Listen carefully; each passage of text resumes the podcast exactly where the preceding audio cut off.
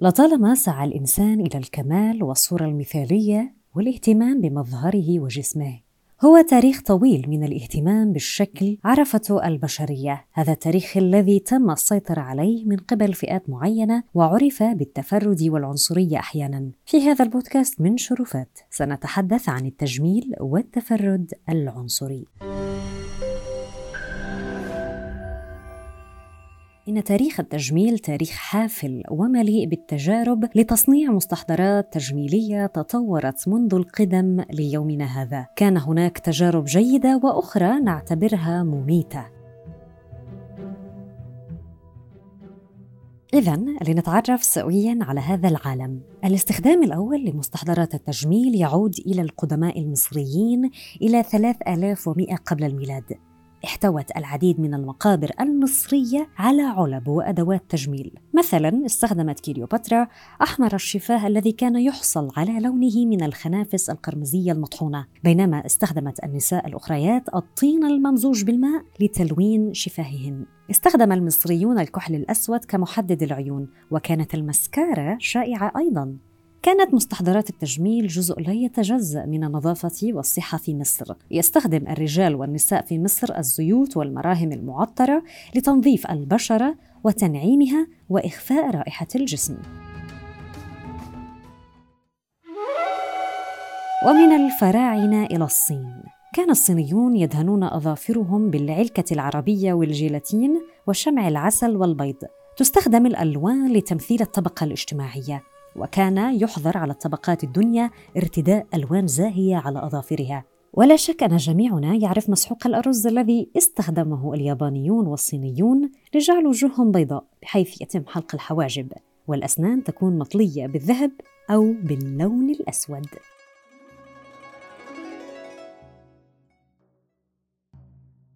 ومن الصين إلى الإغريق حيث كان الإغريق والرومان القدماء يرسمون وجوههم بمساحيق مصنوعة من المعادن والأحجار الأرضية.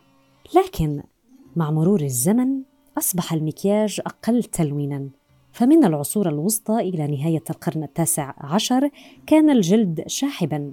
نستطيع أن نتذكر الأفلام أو المسلسلات التي كانت تتحدث عن هذه الحقب كيف كانت الوجوه بيضاء وشاحبة مع بواريك الشعر للرجال والنساء.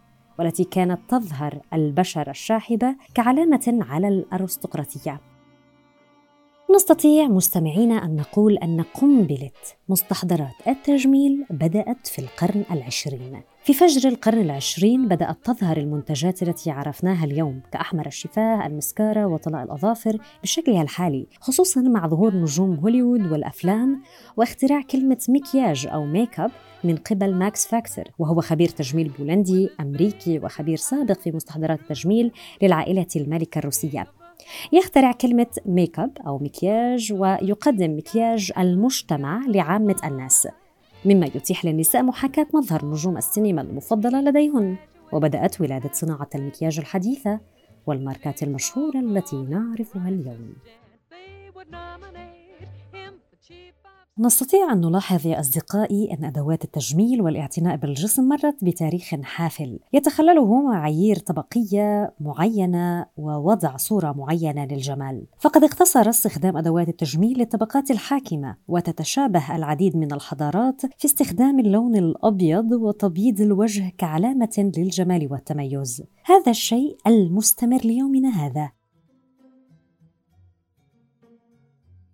إذا لنتحدث أكثر عن صناعة مستحضرات التجميل وممارساتها العنصرية بالتفرد لفئة دون الأخرى. لطالما تخضع جميع النساء لمعايير الجمال الصارمة، حيث إن الجمال مرادف للقيمة الفردية للمرأة، بشرة بيضاء شاحبة خالية من العيوب، شعر أشقر طويل ومتدفق، وجسم أنثوي طويل مع عيون زرقاء تشكل معايير الجمال المهيمنة والمركزية خاصة يعني نعلم الجمال الغربي أو الأوروبي الأمريكي الهوليوودي إلى آخره. هذه المعايير التي يتم من خلالها قياس جميع النساء. في حين أن العديد من النساء قد يفتقرن إلى الجمال عند مقارنتهن بهذه المعايير التي لا يمكن تحقيقها أو الوصول لها. ومن أجل تحقيق الجمال الأوروبي المهيمن المثالي يتم تشجيع النساء على تغيير مظهرهن الطبيعي من خلال العمليات الجراحية التجميلية والمنتجات التجميلية المختلفة. ومع ذلك فإن صناعة مستحضرات التجميل تميز المستهلكين البيض عن المستهلكين من الألوان الأخرى من خلال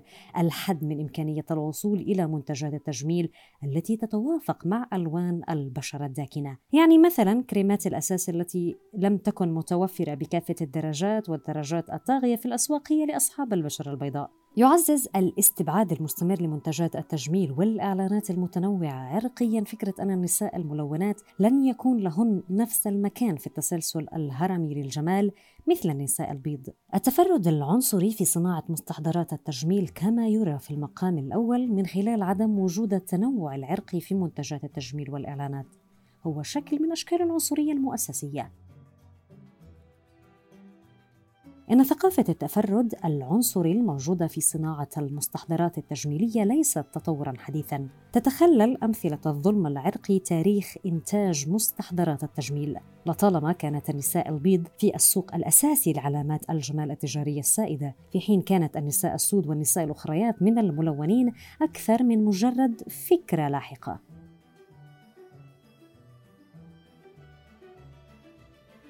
حتى في القرن العشرين تم إنتاج المكياج والإعلان عنه للنساء البيض. تغير هذا الأسلوب عندما بدأت العلامات التجارية الرئيسية في إنتاج وتسويق كريمات تفتيح البشرة للنساء الملونات. يظهر مثال لإعلان عن منتج لتبييض البشرة في أربعينيات القرن العشرين تغيرا واضحا في لون البشرة من البني إلى الأبيض بعد تطبيق الكريم. تشير هذه الإعلانات إلى أنه كان من المتوقع أن تحاول النساء الملونات تغيير لون بشرتهن حرفياً من خلال استخدام منتجات البشرة الضارة من أجل تحقيق المثالية الأوروبية والمثالية للجمال الأنثوي. والكثير الكثير من النساء ذوات البشرة الملونة شعرن بخيبة أمل لعدم حصولهن على اللون الأبيض بشكل كامل. بيفتح البشرة يرطبها ويحميها من الشمس. استخدميه كل يوم لبشرة مثالية ودرجتين أفتح في أسبوعين. في دراسة تم نشرها من قبل مؤسسة Euromonitor International تم بيع 6000 طن من مستحضرات تبييض البشرة في العام الماضي. ونشرت صحيفة الجارديان تقرير يظهر فيه أن صناعة مستحضرات التجميل تبلغ قيمتها أكثر من أربعة مليار. هذه الصناعة التي لا تخلو من المخاطر ويعتبر بيعها في كثير من الدول غير قانوني. بينما كان هناك تقدم ضئيل في تفكيك العنصرية المؤسسية في صناعة مستحضرات التجميل لم يفقد الأمل.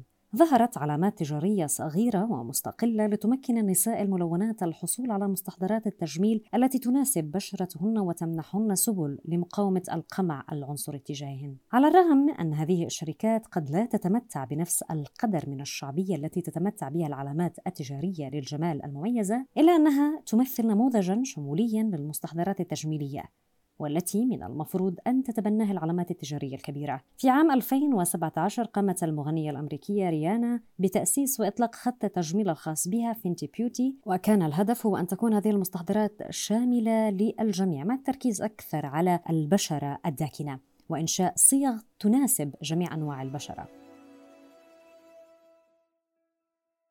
تحاول الآن بعض الشركات الكبرى أن تقوم بعمل مستحضرات أكثر شمولية ولا تقتصر على البشرة البيضاء. وذلك بعد الحركات الاحتجاجية العديدة التي حصلت من قبل النساء إلا أن الطريق في أوله وما زال هناك الكثير لعمله.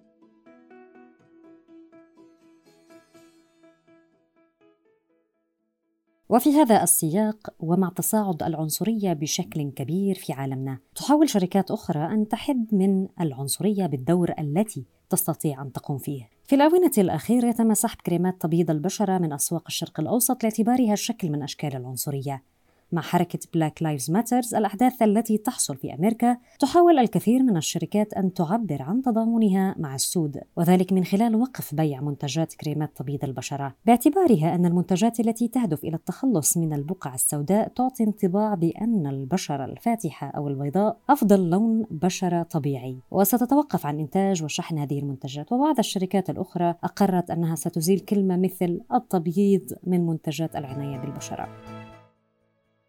إن الممارسات العنصرية التي ابتليت بها صناعة مستحضرات التجميل اليوم لها روابط واضحة مع المفاهيم التاريخية والحديثة للاختلاف العنصري التي تميز البياض وتعزز الهيمنة البيضاء. تشير العنصرية المؤسسية الموجودة في صناعة المستحضرات التجميلية إلى قضايا أكبر تتعلق بالعرق والعنصرية في المجتمع بشكل عام. والتي لها مئات السنين في طور التكوين هناك تصورات مضادة تعمل بنشاط على تحدي الحصرية العرقية والقمع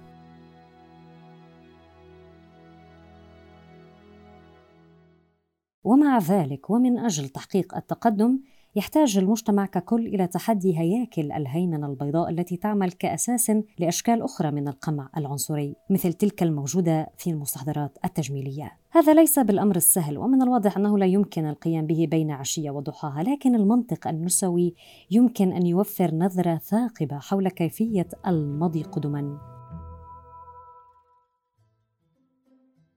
تقول باتريشيا هيل كولينز باحثة نسوية. معايير الجمال تحتاج إلى إعادة تعريف من أجل إحداث تغيير ذي مغزى. لا يعني هذا إعادة تعريف الثنائية من أجل الإعلان عن النساء السود على أنهن جميلات والنساء البيضاوات على أنهن قبيحات. ولكنه يعني توسيع تعريفات الجمال لتشمل ميزات الجسم الأبيض والأسود على حد سواء. علاوة على ذلك فإن تصوير معايير الجمال كميزة مستقرة للمجتمع هي ضارة لكل من النساء. البيضاوات والنساء الملونات. يسمح هذا المنظور لدورة لا نهاية لها من الاضطهاد العنصري والجنسي أن تصبح معيارية في المجتمع لأن ببساطة التحكم في الصور تصبح مهيمنة ومسلمة للرجال والنساء على حد سواء.